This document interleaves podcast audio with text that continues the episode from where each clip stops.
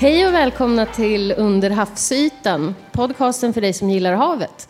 Och den här podcasten drivs i regi av Länsstyrelsen i Västra Götaland och då för Informationscentralen för Västerhavet. Och jag som pratar nu, det är ju Lina Rasmusson som är marinbiolog. Och eh, med mig har jag Marcus. Sedvanligen.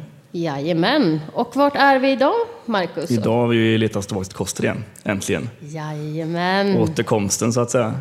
Precis.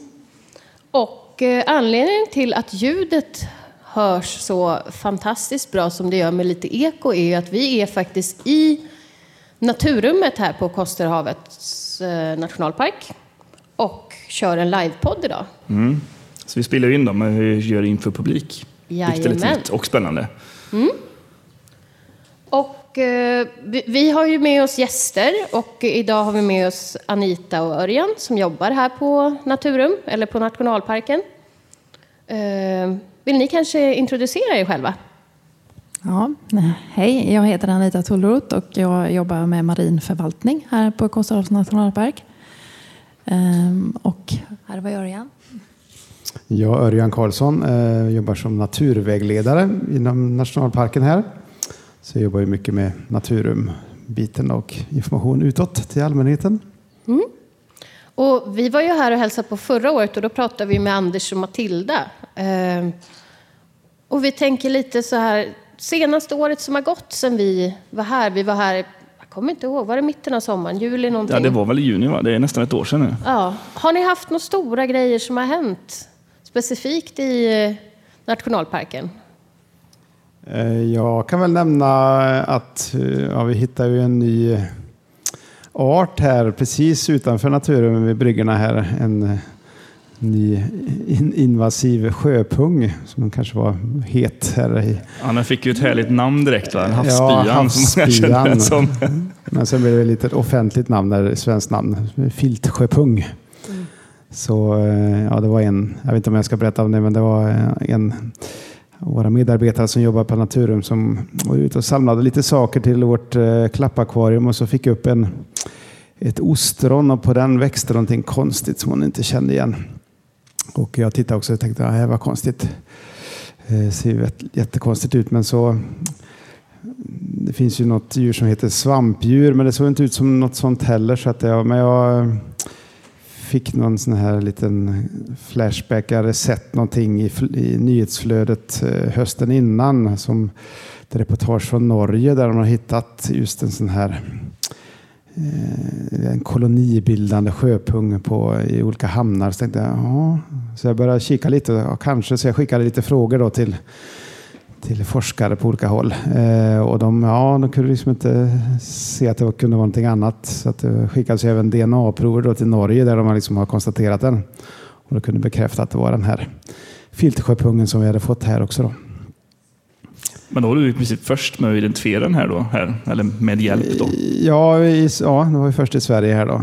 Så det var ganska hett där Ja, det förstår jag. i media ett tag. Så Men vad är liksom oddsen att de här rackarna dyker upp i stort sett på eran tröskel? Eh, Är, det spritt i hela nationalparken eller är det mer så att den har en liten utbredning och, och hur ser det ut Nej, som egentligen? har, eh, man tittar eh, världsläget så den kommer ju borta från ja, Japantrakten från början och till Europa kom den väl 1991 tror jag så en uppgift till, eh, till Nederländerna. Och sen så finns den även på andra håll då. och till Norge har de ju haft den i ett par år åtminstone. Och, eh, men efter att vi hittade den så har vi mm, sattes vi lite inventeringsåtgärder så att man upphandlade en konsult som var här och tittade nu i, i vintras för att se på utbredningen. Och det man såg då var att det fanns här just här i Brevik, som, eller eh, Ekenäsområdet där vi befinner oss då. Och eh, kanske någonting på utsidan också, men det var väldigt lokalt som det såg ut. Så det var ju i och för sig skönt, eh, så att det inte spridit sig så långt än. Ja, när du säger Ekenäs, då är det Sydkoster? Ja, jag. precis. På där som Naturum ligger. Så det är precis här i. Det är mycket som sagt båttrafik och sånt där som är så att när han förmodligen kommit in då med någon båt till exempel, suttit fast på ett skrov kanske. Ja, jag, har ju förstått att det är ganska, ja, arten är problematisk, minst sagt. Jag såg en hel del bilder på det här när det väl kom. Alltså från Holland som nämnde också. Då. Det var nästan overkliga bilder, otäcka bilder nästan, på hur havsbotten helt täcktes. Men det är ingenting man har sett här nu i alla fall? Inte än. Som sagt, som du sa Marcus, så de kan ju ha ju förmåga att liksom växa till och täcka botten och liksom kväva i princip allt som finns under. Växer både på stenar och berg men även ut på sand och lera och sånt där. Och det var, jag tror det var nere i Holland där som det var, mm. täckte liksom i princip hela botten där i ett område. Mm. Men här har det varit ganska spridda kolonier då, så att det täckte väl kanske max, kanske inte en procent ens en gång, så det är ju skönt. Så liksom det är fläckvis än så länge. Mm. Vi har ju pratat ganska mycket om invasiva arter i olika former innan här i podden. Men, men när det gäller just den här, finns det, någon, finns det något sätt att få bukt på den som man vet? Vad gör Norge till exempel som har haft problem med den här sjöpungen lite längre? Eh, ja, man har gjort försök då, eh, till exempel i Norge. Men jag vet Nya Zeeland tror jag jobbat mycket för där har det funnits en hel, eh, ganska länge. Då, men att, vet i Norge i hamnarna där har man försökt då, till exempel på fartyg så har man, kört med någon sorts sån här vakuumsug med filteranläggning på det och stänga in delar av hamnbassängen och behandla med vad det ozon och sånt där tror jag. ozon ja, alltså? Ja, exakt. Så det, det luriga är att de kan ju föröka sig på två sätt. Dels med larver då, som de släpper ut och de sprider sig inte så långt för de lever bara en, ett dygn ungefär i vattnet. Men det kanske värsta är att de, om det lossnar små bitar, det kan ju bara räcka med någon centimeter, så kan det liksom driva iväg och sjunka ner till botten och bilda en ny koloni. Då. Så det är kanske det som är största, största problemet. Så man kan ju inte bara ta upp saker och börja spola av med högtryck liksom och sprida ut saker för då blir det bara värre. Så Nej, det, det är känsligt. Ja, det är ju väldigt otäckt. Det ska inte mycket till egentligen. Jag tänker dels som tänker skrapa av båtskrov, eller, men samtidigt även om det blir tänker som hårt väder, bara en sån sak. Om det ligger väldigt ytligt och det skrapar bort. Det, det ska inte mycket till då egentligen för att det ska bli stor spridning. Nej, precis. Så det är lurigt. Så det är väl, gäller att ta hand om det här. Det man skrapar av eller spolar av. Då, så att det, det är mm. känsligt. Så det, det, det, är väl det som det luriga med den här. Då. Mm. Men ni hade gjort en inventering nu ganska nyligen då? Precis, de var ju här och inventerade då nu i, ja, när var de här senaste mars tror jag. De ska göra en eh, ny inventering i augusti för då ska de följa upp för de har lagt ut lite såna här rutytor för att uppskatta hur mycket de täcker och så kan de se om det har hänt någonting under mm. sommaren. För de, de, växer till under sommaren, eh, från våren och fram till ja, årsskiftet ungefär. Men på vintern så brukar de liksom krympa ihop lite och gå ner i någon sorts vila innan de börjar växa till igen. Okej, ja, men då vet vi att ni har jobb, lite jobb framför er kanske med den här nu var jag nära på att säga havsbyen, men det, den hade ju fått ett nytt namn, Filtsjöpungen. Precis, ja. Men har ni något annat pågående, några andra pågående projekt som har startat efter förra sommaren eller några nya utställningar, Naturum till exempel? Eh, ja, vi har en utställning, eh, vi har den precis bakom oss eller framför oss. Den handlar om eh, olika typer av natursyn. Det är, en, det är något som eh, ja, i princip alla Naturum har. Det är Naturum Våledalen som har tagit fram den. Eh, de har liksom funderat på det här med ja, hur ser vi människor på naturen? Och från början så kunde de, tror jag, över 30 olika natursyner kunde de eh, komma på, men sen kokade ihop det till fyra grova drag. Så, här, så att man tänker till exempel en, ursprungliga natursynen när vi kanske ja, man går tillbaka i långt i tiden när vi var mer ett med naturen. Vi, ja, man skulle försörja sig och få, få mat och så vidare. Och sedan till att man kommer fram här i ja, sen medeltid eller renässans och så där man börjar att titta på Eh, ja, man börjar att eh, namnge saker och väga och mäta så det blir en mer vetenskaplig natursyn. Man ser man kanske människan mer som en sak som, som ifrån sidan och tittar, betraktar naturen som någonting annat. Liksom. Och sen den ekonomiska natursynen när man har liksom, ja, man ser naturen som en resurs på olika sätt. Och I havet kan det vara allt från fiske till, och nu är det mycket diskussion om det här med havsbaserad vindkraft till exempel. Och, så där. Mm. Eh, och sen så har vi den idealiserade natursynen. Den här Instagram-synen. Eh, när man liksom är ute och tar foton och på vackra solnedgångar eller vad det kan vara och retuscherar bort sånt som kanske inte ser så fint ut. Eh, det här är ju egentligen en bild som kanske inte är så ny. Eh, man går tillbaka till nationalromantisk tid i slutet på 1800-talet och tittar på, på eh, målningar. Till exempel man ser skepp i kvav i häftigt solljus och sådär. Liksom. Det, det är ganska romantiserat också. Så det är ingen ny, men det, det är ett sätt. Sen så får du då besökarna tänka, Jaha, hur tänker jag på naturen och sådär. Känner jag igen mig eller finns det tänka på annat sätt? Eller, så får de liksom tänka över och man kan gärna skriva ner lite och lämna en lapp här. Så det är jättekul att se vad, vad folk tänker på det, om det här. Liksom. Mm. Så den har vi nu under ett tag här. Den här utställningen. Vi börjar med den nu i slutet på, på vintern. Sen, det var en väldigt fin utställningsvägg vi har. Nu är jag färdig med att sitta här nu. Nu ser vi det här framför oss. Det är ju toppen. Så för, för er som lyssnar efterhand nu så har vi ju det som Örjan beskriver uppdelat i olika färger. Blått, grönt, orange och lila. Vad vi kallar det, va? Eh, fina bilder på båtar. Och så har vi en DNA-sträng, en laminata, eh, en tång, havsbaserad vindkraft, eller vindkraft det ut det vara i alla fall. Och sen sociala medier. Det var väl en fin inramning av det hela. Mm. Det är ett väldigt intressant synsätt egentligen. För att man, man tänker ju så ofta ur sitt eget perspektiv, vad jag har för syn på naturen. Men vi alla ser ju den från så olika perspektiv. Så det är lite kul att faktiskt stanna upp och klura på vad man själv har för, för tankar om det här. Eller om ja, det, här, är väldigt, väldigt förenklat. Om man, ofta har man ju olika beroende på ja. situation. Man kanske jobbar med något. Man, ja, man kanske är fiskare till exempel, eller sen mm. så är man ute och, på semester. Är det kanske en mer idealiserad syn eller ja, mm. så vidare. Eller om man är forskare så gör man på ett sätt. Eller mm. sådär. Och projektmässigt då? Har Anita något att tillägga där? ja, här pågår ju hela tiden olika saker. Mm. Ehm, och det som är nytt för i år, eller för denna här säsongen nu, då, är att eh, vi har ett samarbete med forskare på eh, Göteborgs universitet, Tjärnö marina laboratorium. Och de är ute nu och eh, följer upp och inventerar eh, stortare. Och syftet är att också försöka se om det finns någon möjlighet att restaurera Stortare. Stortaren har ju försvunnit på många håll. Väldigt mycket i Norge och riktigt hur det ser ut här det har vi inte riktigt koll på ännu. Då. Så att de är dels ute för en uppföljning nu och sen också för att hitta lämpliga platser för en restaurering. Och så ska de också testa lite olika metoder då. Mm. På Kärnelabbet så har man ju utvecklat odling utav alger. Och det är lite den tekniken som är tänkt att eh, kunna användas för en eventuell restaurering. Då.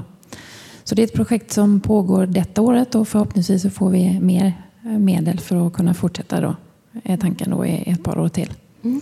Så det är väl det nyaste egentligen. Sen har jag ju ett stort projekt som har pågått ett tag och det handlar ju om att försöka restaurera våra korallrev. Just det. En, en snabb fråga bara innan. Alltså, nu säger tare. Mm. Pratar vi då vi ser de här stora brunallskogarna, det är det vi, vi då ja, tänker oss? Ja, precis. Ja. Eh, jag kanske var lite för snabb där. Ja, ja det är ingen fara. vi, vi tar en recap på den. Nej, men, jag tror för att ge lite ja, bild av vad vi pratar om. De, de här stortaren, de eh, Laminaria hyperborea, mm. de bildar ju stora eh, skogar här mm. och är ju viktiga för många andra arter. Bland annat fisk som är miljö, så de bygger verkligen upp eh, miljöer. Och vi har ju de här ute i nationalparken på ganska exponerade ställen. Då. Ja. Och det är ju ändå väldigt häftigt. Jag tänker, ja. alltså det, det är en, en sån här en biom, om man får kalla det, som är lite av en bucketlist många dykare om man har det intresset. Mm. Och det är klart att det är kanske inte är någonting man direkt tänker på att det finns även här. Det mm. förknippas så mycket med Norge. De har ju massa olika program för restaurering och bevarande där också. Mm. Um, som även jag får ta del av på Länsstyrelsen. Mm. Men kanske inte så mycket på svenska sidan då istället. Mm. mm. Så det är ju jättespännande då, att ni pysslar med det. Ja, men jag har fått äh, rapporter under hand här nu och de säger själva att de har hittat jättemånga nya fina dykställen. Mm, ja, det tycker jag. jag. jag. kan ta den listan sen. Ja, det står det. Nej, och, och, för er som äh, kanske inte riktigt är, äh, ja, känner till ordet tare så är det ju kelp, våra olika kelparter vi har här i Sverige, så är stortaren en av dem. Men om vi går tillbaka till korallerna, för det har vi pratat lite om när vi var här förra året, men också när vi var och hälsade på på Sjöhistoriska. Ja, det pratade vi lite ja. om det. Men det är du som sitter på den största kunskapen tror jag. Och här ska vi gå lite mer ingående. Ja, eh, vi har ju djuphavskoraller i Sverige och vi har dem här i Kosterväderfjorden på 80-90 meters djup. Eh, men vi vet, idag så har vi två små levande rev. Och det ena är uppe i Säcken i nordöstra delen av nationalparken. Och sen har vi det andra revet nere öster om Väderöarna. Eh, som då ligger i Väderöarnas naturreservat. Och alltihopa tillhör Natura 2000-området Kosteväderöfjorden. Eh, men ehm, de, vi vet ju att vi har haft koraller på fler ställen för vi har hittat rester, korallgrus och, eh, och så på ytterligare fyra ställen. Så åtminstone sex platser har det funnits korall här tidigare. Och eh, revet i säcken har vi haft uppföljning på och vi ser tyvärr att det minskar. Så för några år sedan nu då, ja vi började väl 2017-18, så eh, tog jag kontakt med några forskare på Kärnölabbet på Göteborgs universitet och som jobbar med koraller och undrade om inte vi skulle försöka söka ett sånt här EU-projekt, ett LIFE-projekt för att försöka, ja, försöka att restaurera korallerna helt enkelt. För syftet med parken är att vi ska bevara den biologiska mångfalden och att någonting då försvinner eller minskar, det är ju liksom inte bra. Då måste vi göra någon åtgärd. Så eh, ett, eh, i detta fallet då ett försök att restaurera. Så vi har fått eh, pengar från EUs Lifefond och eh, för att utveckla en metod eh, för att restaurera de här djuphavskorallerna. Och det pågår, vi har olika delar i projektet, men det är en viktig del och en stor del är att utveckla metoden nu. Och nu har vi kommit fram till en, en metod. Vi, vi kommer tillverka eh, konstgjorda revstrukturer eh, som då sticker upp en bit från botten med material och utformning som vi eh, hoppas då att larverna ska sätta sig på. För vi vet att det finns korallarver i vattnet här. Vi har nämligen haft ett, eh, en väldigt eh, positiv utveckling vid det tidigare döda revet vid Väderöarna. För år 2000 så hade vi inga levande koraller där, men vi hade fortfarande en skelettstruktur kvar som stack upp en bit från botten. Och 2013, vid en uppföljning vi hade av de trålskyddade områdena vi har, så eh, såg vi att det hade börjat komma några polyper och tillväxa där. Och nu har vi haft en ordentlig uppföljning där SLU har hjälpt oss med sitt stora fina fartyg Svea. Mm. 2021 så var de och, och finkammade de här korallområdena då, och då har de eh, uppmätt att vi nu har 324 kvadratmeter levande ögonkorall vid Väderöarna, så det växer och frodas. Men eh, tidigare, så vi har, de har också mätt in hur stort området med korallgrus är och det är alltså 20 000 kvadratmeter. Så vi har ju haft ett betydligt större korallrev där ja, nere. Verkligen. Men nu tänker vi att nu ska vi återskapa. Mm. Uh. Men vad är det de här korallreven kräver förutom just en struktur att sätta sig på, alltså för larverna? Mm. Vad är det mer som gör det här området så unikt för så att vi har fått våra svenska korallrev just här? Mm, det är ju för att vi får in salt, kallt vatten eh, ifrån Atlanten. Vi har ju kontakt med Atlanten via norska rännan och så kommer det in i den djupa Kosterfjorden som är ungefär 200 meter djup, som djupast 247. Och eh, där kan ju korall, de här, den här ögonkorallen och många andra djur som lever på betydligt djupare vatten eh, trivas och leva. Så eh, de behöver kallt saltvatten och de, eh, de har en temperatur, de vill helst inte ha varmare än 13 grader. Och salt 32 till 39 promille, något sånt vill de ha. Sen vill de ha strömmande vatten, så de finns ju där det är liksom lite förträngning och kanske en liten tröskel eh, där det blir lite extra skjuts på vattnet då. För de mm. sitter ju där och filtrerar och fångar sin mat med sina tentakler. Det är väl även mörkt där nere också? Va? Vart går ja. ljusgränsen här ute? Du det? 30 meter i bästa fall. Ja, just det. Ja. det är mörkt där nere. Ja. Det är mörkt. Ja. Men de här djuphavskorallerna de har ju inga symbiontiska alger som Precis. tropiska koraller har. Utan de eh, äter ju, de är ju rovdjur så de äter ju mm. Eh, med sina tentakler. De fångar små kräftdjur och de kan ju även andra, ett annat organiskt material. Mm. Så eh, medan tropiska koraller då har ju hjälp av eh, alger som kan fotosyntesera och hjälpa dem med ja, precis. föda.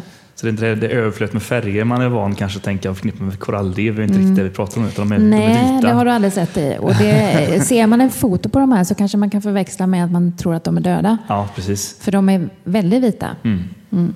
Kan de ta, jag tänker om de äter kräftdjur, kan de ta pigment för vissa djur? Om man tänker en flamingo blir ju rosa för att den käkar kräftdjur. Kan de här få in någon färgpigment från den Nej, det dieten verkar eller är det alltid att de är vita? De verk, ja, alltså det kan finnas. Vi har sett, eh, vi går ju i projektet då så har vi tillstånd att gå upp till eh, Norge, till Tislerevet och, och ta lite prover därifrån. Eh, och eh, där har, finns det ett par färgvarianter. Någon som är lite mer rosaktig och någon som är lite mer gul. Men det, de mesta är vita. Och eh, jag tror inte att det är så att de blir... Eh, men det vet jag inte. Nej. Nej. Jag har en liten fråga. Jag tänkte på de här undersökningarna som gjordes, inte minst senast med, med SLU då, och Svea. Hur går det till egentligen när man gör de här inventeringarna? Jag förstår att alltså, reven är ju väldigt känsliga. Så hur, hur går man tillväga? Alltså de har ju, de går ju, många gånger så använder man en sån här undervattensstyrd kamera för att titta. Men SLU de har en droppkamera kallas det för som de kan då släpa med väldigt jämn hastighet och jämn eh, avstånd från botten. Med hjälp av det här fantastiska fartyget de har. Ja, just det. Jag- fick faktiskt vara med en gång när de var här uppe, eller en dag. Eh, Och det var helt otroligt fartyg alltså. Ja, det är väldigt Eh, nytt va? Inte det? Men är det... Ja, det är bara ett par år gammalt. Ja, just det. Ja. Ja, jag har varit på det där fartyget. Jag skulle egentligen ut och åka med det i höst på ett projekt, men jag behövde skippa det förra veckan. Det känns lite hårt nu faktiskt, men det är, ja, det är helt magiskt. Det borde vi nästan försöka fixa och ta med oss våra lyssnare Ja, det kanske blir ett poddavsnitt på, Ja, på Svea. faktiskt. Ja, verkligen. Men, så de släpar ju en kamera men sakta eh, med jämn hastighet. Och så har de helt enkelt eh, gått transekt, dratt transekter över det här området för att ringa in då hur, och mäta in hur stort det är. Sen har de också tittat på eh, associerad fauna också på detta. Fast via, på, i den här videokameran då. Mm. För, för varför vi ska bevara de här korallerna, det är ju för, kanske inte bara för arten i sig. Det är ju häftigt naturligtvis och vi har ju sagt att vi ska bevara mångfalden. Men framförallt så är ju de här korallreven miljö för en massa andra arter. Så det är, en, det är ju den största biologiska mångfalden vi har i de här korallområdena. Det slår torrbältena. Det, det gör det ja. Ja, det gör det. det. Ja, det kanske man inte kan tro, för det är klart att man förknippar ofta mångfald med, med mycket ljus. Men här har man inget ljus egentligen. Mm. Nej. Det är Men det finns så många eh, andra arter där. Och Mm. Så kommer fiskar dit och letar mat och så vidare. Så att, eh, ja, det är framförallt för att bevara den biologiska mångfalden som vi behöver restaurera. Även korallerna då. Mm. Ja, det är väldigt häftigt. Vad, vad, är liksom, vad är det framtiden håller för det här projektet nu då? Vad är nästa? Vart är... Ja, nu är det nämligen så. Just nu så har vi faktiskt en upphandling på gång. Mm, där vi har beskrivit hur vi vill att de här reven ska se ut. Och så nu är det företag som eh, räknar på detta och så kommer ge oss ett pris. Och eh, direkt efter semestrarna så eh, ska de börja producera och vi ska sätta ut de här reven i höst. Hur många vi får ut, det handlar om vilket pris vi har, för vi har naturligtvis en budget. Mm. Så att det vet vi inte riktigt än. Men vi har eh, de här sex platserna då som vi vet har funnits eller, har, eller där vi har koraller. Så vi, även på väderöarna så kommer vi sätta några stycken. För att där tror vi också att det är fördelaktigt. Sen i det här projektet så mäter vi också vi mäter eh, temperatur, salthalt, strömmar, sedimentation och sådana saker. Och jämför hela tiden med det norska revet i Tisle då, där vi, som vi vet mår bra. Det är ju ett stort rev. Det är 200 meter gånger 1,2 kilometer stort. Så att det är jättestort eh, välmående rev. Eh, ja, så att eh, vi har liksom också tittat, vi har haft no, eh, innan SLU var där så har vi haft en noggrann undersökning av bottnarna också med multibeam och sonar och så vidare så att vi hittar lämpliga platser att sätta de här konstgjorda reven på. Då.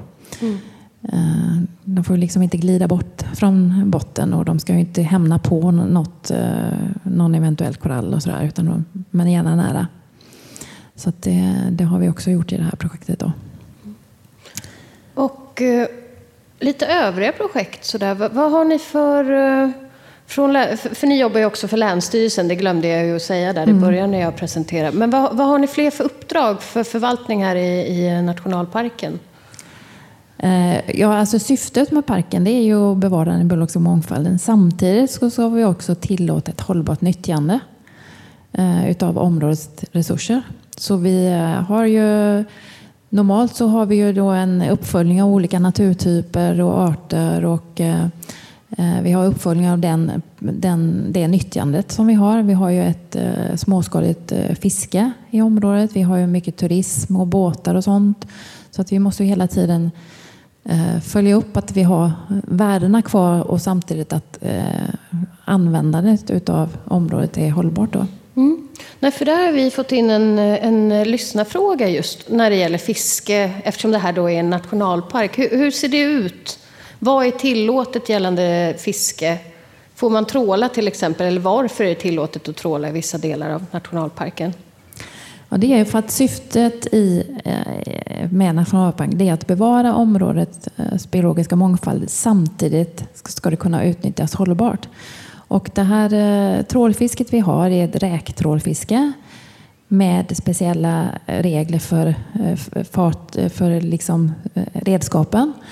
Och det här räkfisket har pågått i den djupa Kostervärderfjorden och det är där man får tråla då, i delar av den sedan 1903. Så det är, det är ju något som har pågått här väldigt länge och en resurs för samhället i övrigt här.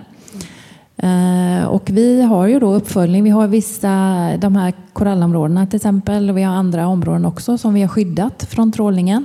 Och det är delar av parken som trålas. Det är den här djupa rännan då på mjukbotten.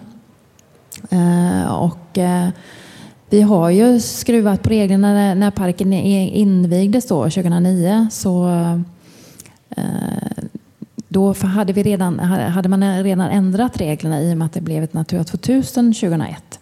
Så att eh, de reglerna ändrades inte just för, eh, för fisket då utan eh, men sen har vi haft en uppföljning av de här trålskyddade områdena och sett att ja, i vissa lägen funkar det inte riktigt bra utan då fick, har vi fått skruva på reglerna. Så nu har vi nu måste de som trålar räka ha särskilda tillstånd och de söker varje år. Och sköter man sig inte då och håller sig till de reglerna eller utanför de områdena man inte får vara, då får man inget nytt tillstånd.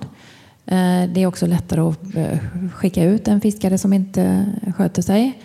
Eh, vi har också sådana här AIS som är satellitövervakning som följer båten hela tiden. Och det sitter man på Havs och vattenmyndigheten med stora dataskärmar och så ser de var båtarna är någonstans. Eh, och eh, kan se då när de, om de närmar sig ett område. Och jag har fått några skärmdumpar, det ser väldigt bra ut. Att man går nära men inte över eller i de här områdena nu då.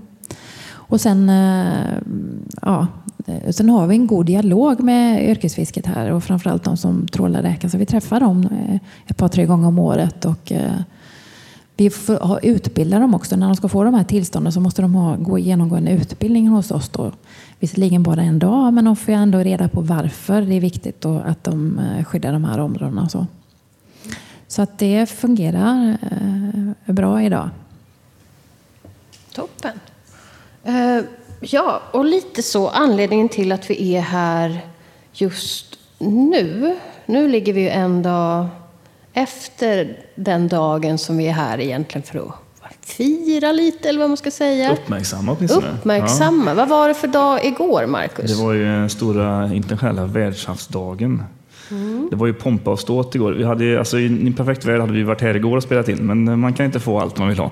Så nu är vi här en dag efter istället. Då. Eh, men ja, det är viktigt att lyfta det här lite grann. Det var ju väldigt mycket snack om det här.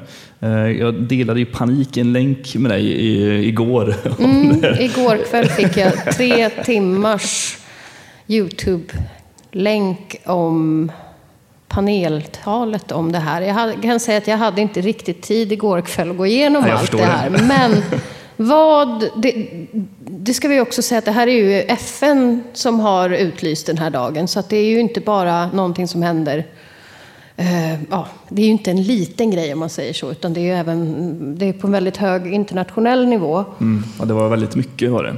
Jag mm. följde lite grann eh, just deras uppmärksamhet. Vi flera andra delar även nationellt. Då. Jag vet, de hade ju, Östersjöcentrum hade väl ett eh, panelsamtal igår exempelvis med en del framstående personer och forskare, myndighetspersonal och så vidare i Stockholm. Eh, som jag dock inte lyssnade på, men jag lyssnade lite grann på det här i alla fall. Just FN som körde då ett live-event eh, online igår, från, direkt från eh, New York. Mm. Eh, och det var väldigt spännande.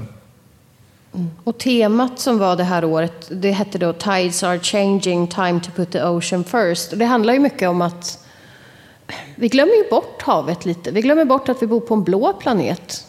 Att över 70 procent av ytan är ju faktiskt vatten och vi vet egentligen mer om rymden än vad vi vet om världshaven.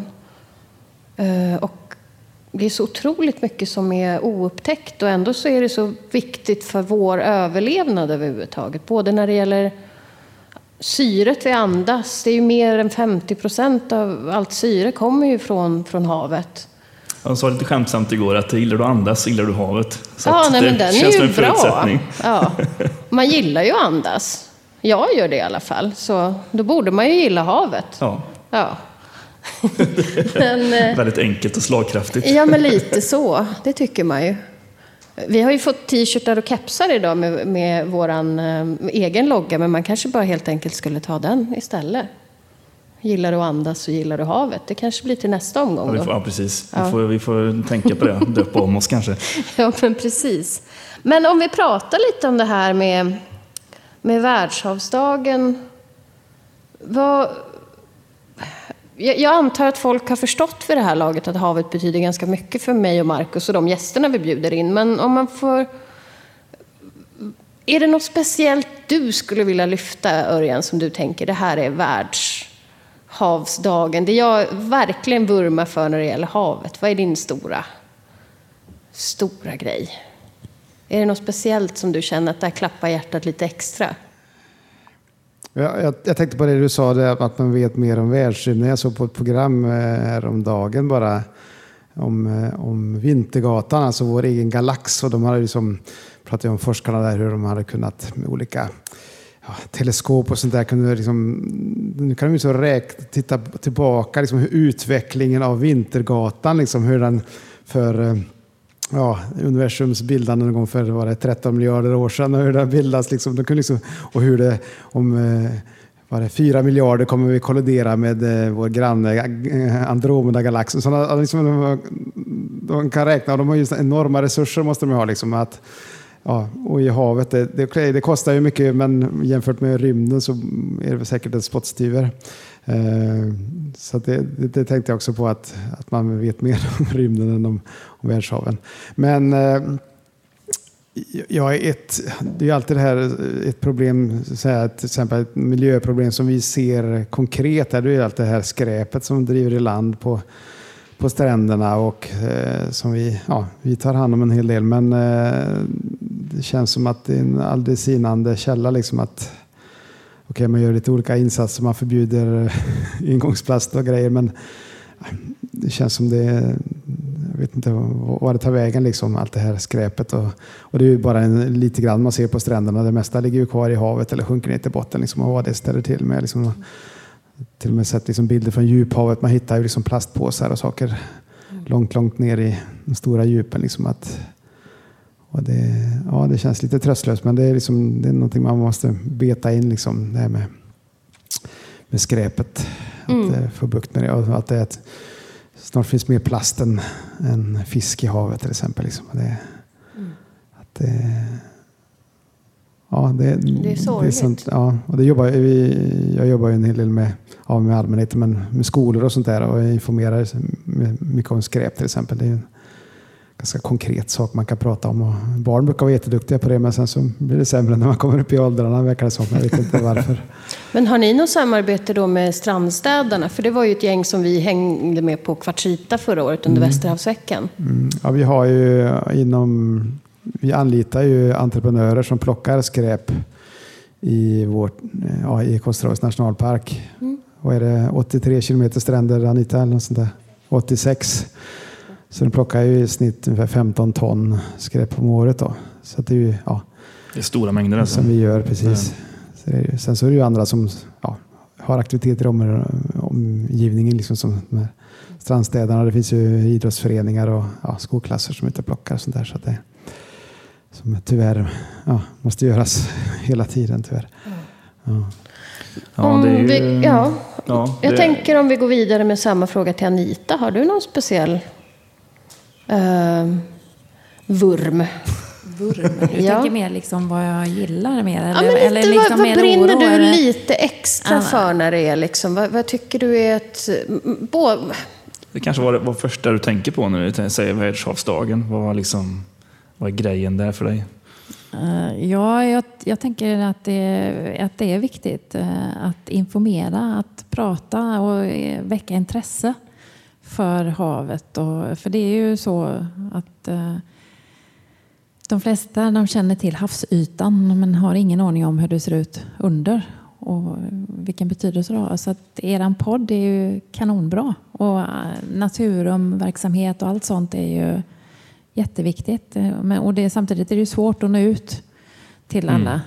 Eh, ibland har jag tänkt att eh, vi har eh, ekonominytt på, eh, och kulturnytt och sådana här saker. Men vi borde ha något naturnytt på, på tv och radio i samband med nyheter eller någonting. och lyf, Havsnytt. lyfta den här. Ja, eller, ja, kanske inte bara havet utan Nej, även utan- natur och miljö överhuvudtaget. Jag liksom. tänkte när vi pra- pratar om den, den blå planeten, planeten havet istället för planeten jorden, 70 procent. Varför pratar vi inte mer om havet? Ja, ja. Nej men det kan man ju tycka för att ibland är det ju som att folk förminskar problematiken vi har idag och vrider det till att vi, vi, vi kan inte göra det nu på grund av ett ekonomiskt perspektiv eller si och så, vilket är en väldigt kortsiktig lösning. Men då kan man ju tänka att hade det varit mer tillgängligt att vi hade haft då Naturnytt mer eller mindre varje dag, att folk får in det här lite mer att utan naturen hade ju vi inte funnits. Nej. Då är vi ju ingenting. Och det Men hänger ju också ihop med ekonomin. Jag menar, Exakt. fungerar inte, har vi ingen fisk i haven så kan vi ju inte ha den ekonomin som vi skulle Nej. haft annars.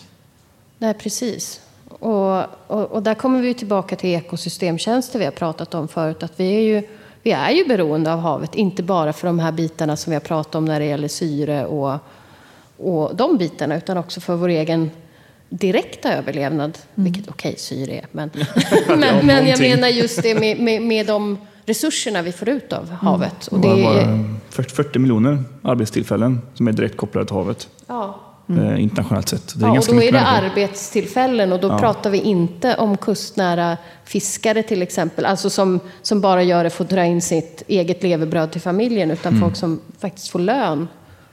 Eh, som vi faktiskt får av havet. Eh, ja.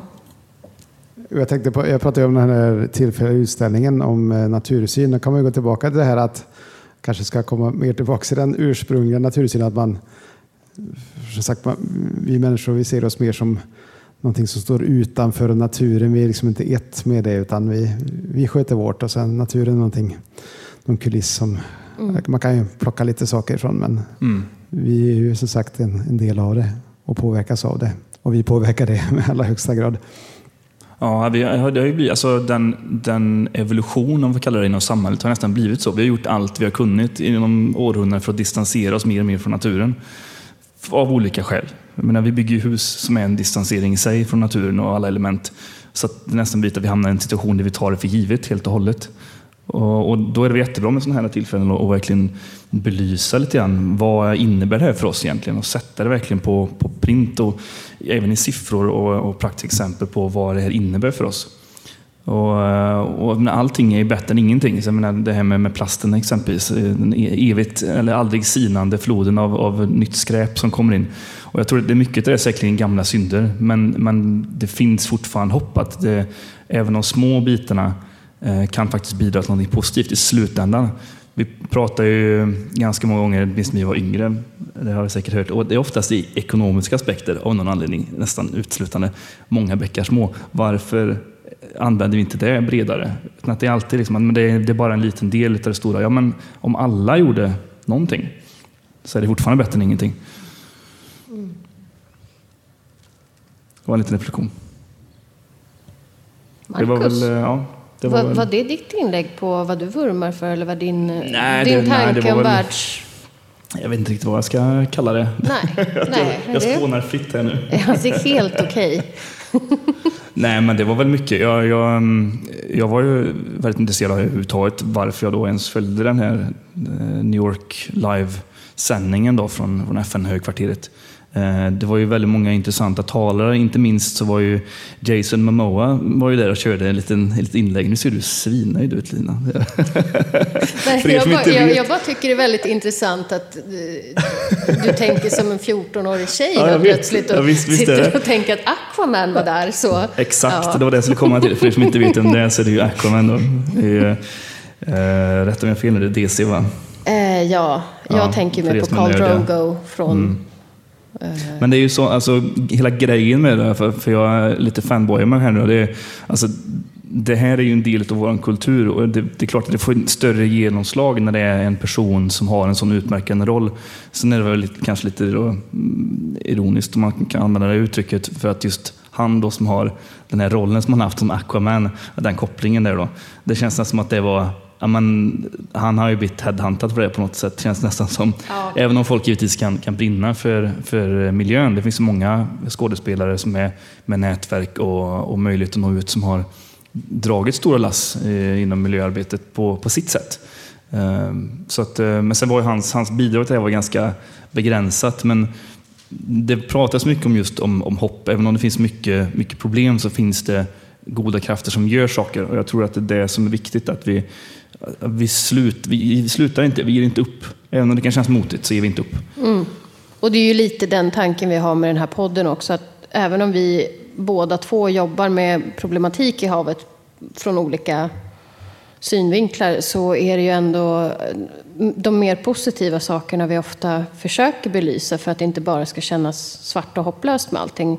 För det gör ju att man inte orkar. Så det får man väl säga är också en sak som man får tänka på. att det finns ju positiva bitar i saker som blir bättre. Som förra veckan, eller månaden när vi pratade om tonfisken som kommer tillbaka till exempel. Mm. Men nu har vi varit ute och flaxat utanför våra, vårt kära Västerhav. Så om vi försöker knyta oss tillbaka till just eh, Västerhavet i ett internationellt perspektiv. Vi har ju pratat lite om strömmar och så. Um, och det är anledningen till att vi har så unika arter. Uh, men uh, vad innebär... Nej, nu tappade jag liksom bollen lite. Vill du Nej, kanske men, ta vi, över vi, den? Vi, vi har ju redan varit inne lite grann på det nu. Ja, just precis. kopplingen med... För när vi tänker eh, världshavsdagen då. Eh, det blir ju inte, alla hav hänger ihop.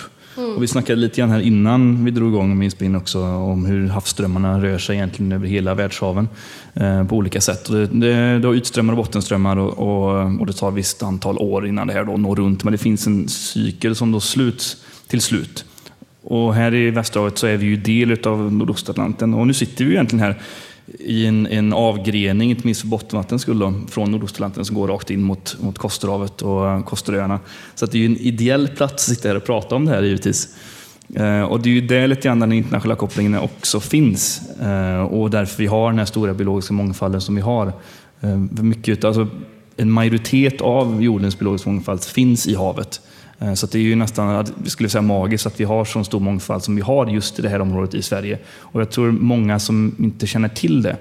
Sen är det klart att det finns många unika områden och många områden i Nordostatlanten och norra Atlanten i stort eh, med stor biologisk mångfald. Men just här så sitter vi på en unik position i svenska vatten. Eh, och det är absolut någonting att, att både lyfta och, och bevara på olika sätt. Så vi hade ju tänkt att avrunda lite grann. Vi har ju redan suttit här bra länge nu i det avsnittet. Så det är väl dags att knyta upp säcken lite grann. Och vi ja, men lite så. Ja.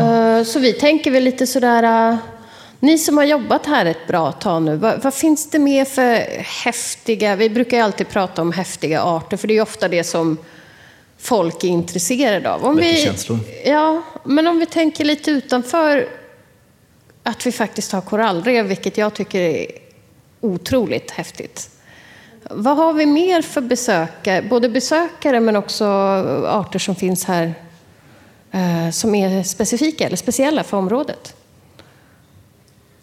Eh, jag gillar ju mycket eh, olika typer av eh, sjöstjärnor.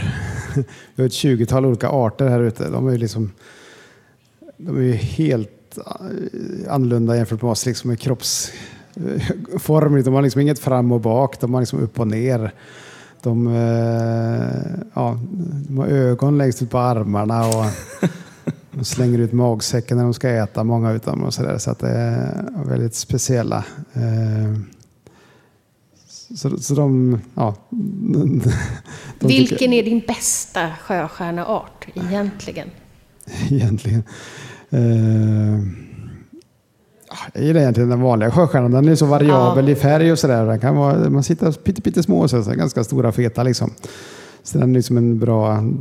Vi har ju ett klappakvarium här vi brukar visa de djuren vi har. Och den är liksom en jättebra modell för just dem. Då. Mm.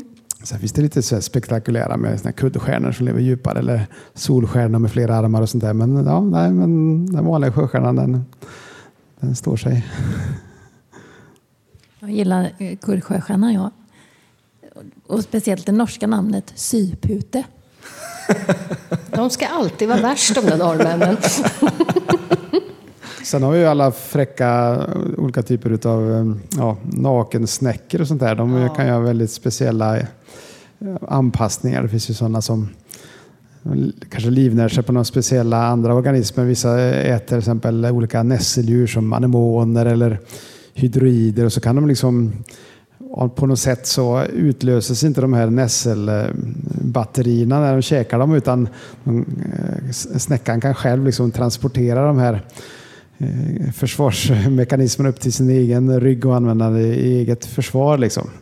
Det är som eh, jättehäftigt. Eller som den som egentligen ingen nakensnäcka, men en, en snäcka som eh, fått det nya svenska namnet blåfläckig solbadare. Bara en sån sak. Heter så. eh, som vill man ju ja, Som är en så kallad, som man kan kalla för en plantimal om man pratar engelska. Alltså den, nästan som en korsning mellan växt och djur. De, kan, de äter då alger. Och algerna har ju, de har ju fot, kör ju fotosyntes då i, och i, det sker i någonting som heter kloroplaster som är små ja, organeller i, i cellerna. Och de kan ju också använda de här kloroplasterna eh, själva så att de kan dra nytta av solljuset, de här solbadarna. De har som ett, en, kan flika ut flikar så de kan, eh, i, i solen då, så man kan de köra eh, fotosyntes ett tag. Liksom. De överlever ett tag de här kloroplasterna i snäckans kropp. Det är så sjukt. Ja, men det är häftigt. Tänk dig själv Lina, du käkar lite sallad och får gröna ögon. Liksom. Ut och ja. ja, gröna ögon solbada. har jag, men det är lite min dröm att ha kloroplaster i huden och, och, så jag slipper tugga så mycket. Och man bara är, är där man är liksom. Men för er som inte har stött på nakensnäckor, det, det, måste jag bara säga att det är ju, det är ju någonting som verkligen ser ut som tropiska arter. Så det borde man... Är ni nyfikna på några häftiga djur i Sverige? De är ju små, men otroligt färgglada kan de vara. Och väldigt många olika arter har vi som är superhäftiga. Så det kan man ju kan jag verkligen rekommendera att kolla in. Det tänker vi kanske kommer att prata mer om nästa avsnitt, va? Uh, ja, vi ska ju, det ska vi nog göra, ja. Mm, jag tror ja. det. Ja. Det är lämpligt. Ja. Men då har vi fått höra lite tuffa arter. Och sen vill jag ju också slå ett slag för det att nu är det ju början av sommaren, man har ju hela sommaren på sig. Så vill ni veta mer så har de ju världsafin utställning här i Naturum på Sydkoster. Och då, där kan man få se många av de olika arterna som finns här. Det är bara att dyka förbi. Det är fantastiskt gratisnöje som jag tror att hela familjen faktiskt uppskattar. Så det kan jag verkligen rekommendera som en eh, aktivitet i sommar. Och vi har även aktiviteter utomhus så man kan gå på stranden och eh, upptäcka livet där, liksom IRL. Mm. I, på riktigt liksom. Ja, Så har vi även sagt ett litet akvarium här så man kan upptäcka livet. Men som sagt, att ut och upptäcka själv, det, det vurmar vi för. Ja, ja men det är ju och... kul. Ja, jag såg det här när jag kom in, att ni hade sådana ryggsäckar man kunde ta med sig och mm. ge sig ut på jakt. Smaka på tång kan man göra här på onsdagar också. Ska vi ha tångonsdag. Mm. Tångonsdag, ja. ja. ja, men med det, har ni något slut? Är det något ni känner att ni inte riktigt har nämnt om någonting, vare sig det är korallrev eller koster eller naturrummet, eller känner ni att ni har fått, fått ur er allt? Ja, men att man ska tänka på att respektera även det som man kanske inte ser. Vi är vana kanske att se det ovanifrån eh, i vattenytan, men eftersom vattnet är ju en, egentligen en främmande medium för oss, men att det, det finns ju massa liv där, så det är inte bara att slänga saker, utan okej, okay, man kanske inte ser det själv, men det skapar ju ja, det leder till saker till i, i, i vattnet, liksom, så att vara, vara rädd om havet. Mm. Ja, det, skulle, det finns ju mycket mer att berätta om vad vi gör och så, men eh, det får nog bli ett annat avsnitt tror jag. Ni får komma tillbaka igen. Ja, vi kommer igen. säkert tillbaka igen. Ja, jag tänkte det. Återkomst två. Ja, precis. precis. Det blir en trilogi det här. Nej, jag tackar för mig. Ja, och tack så jättemycket för att vi fick komma hit och hälsa på och prata med er. Och eh, nu ska vi njuta lite av Koster innan vi far tillbaka till fastlandet. Men innan det vad gör vi i nästa avsnitt, Marcus? Ja, nästa avsnitt har vi nästan redan avslöjat. Vi ska ut på Idefjorden. Det du menade var att vi ska prata om nakensnäckor, vilket är en pytteliten del. Så då måste man vara bra nördig om man skulle kunna dra nakensnäckor till Idefjorden. Men vi har med oss experter, har vi inte det? Ja, vi ska ut och åka båt då med eh, våra gamla kära kollegor från Stockholms universitet och då få reda, lära oss mer om tröskelfjordar, problematiken i Idefjorden och hur det är att dela vatten med Norge. Så häng med då! Ha det fint så länge! Tack och hej!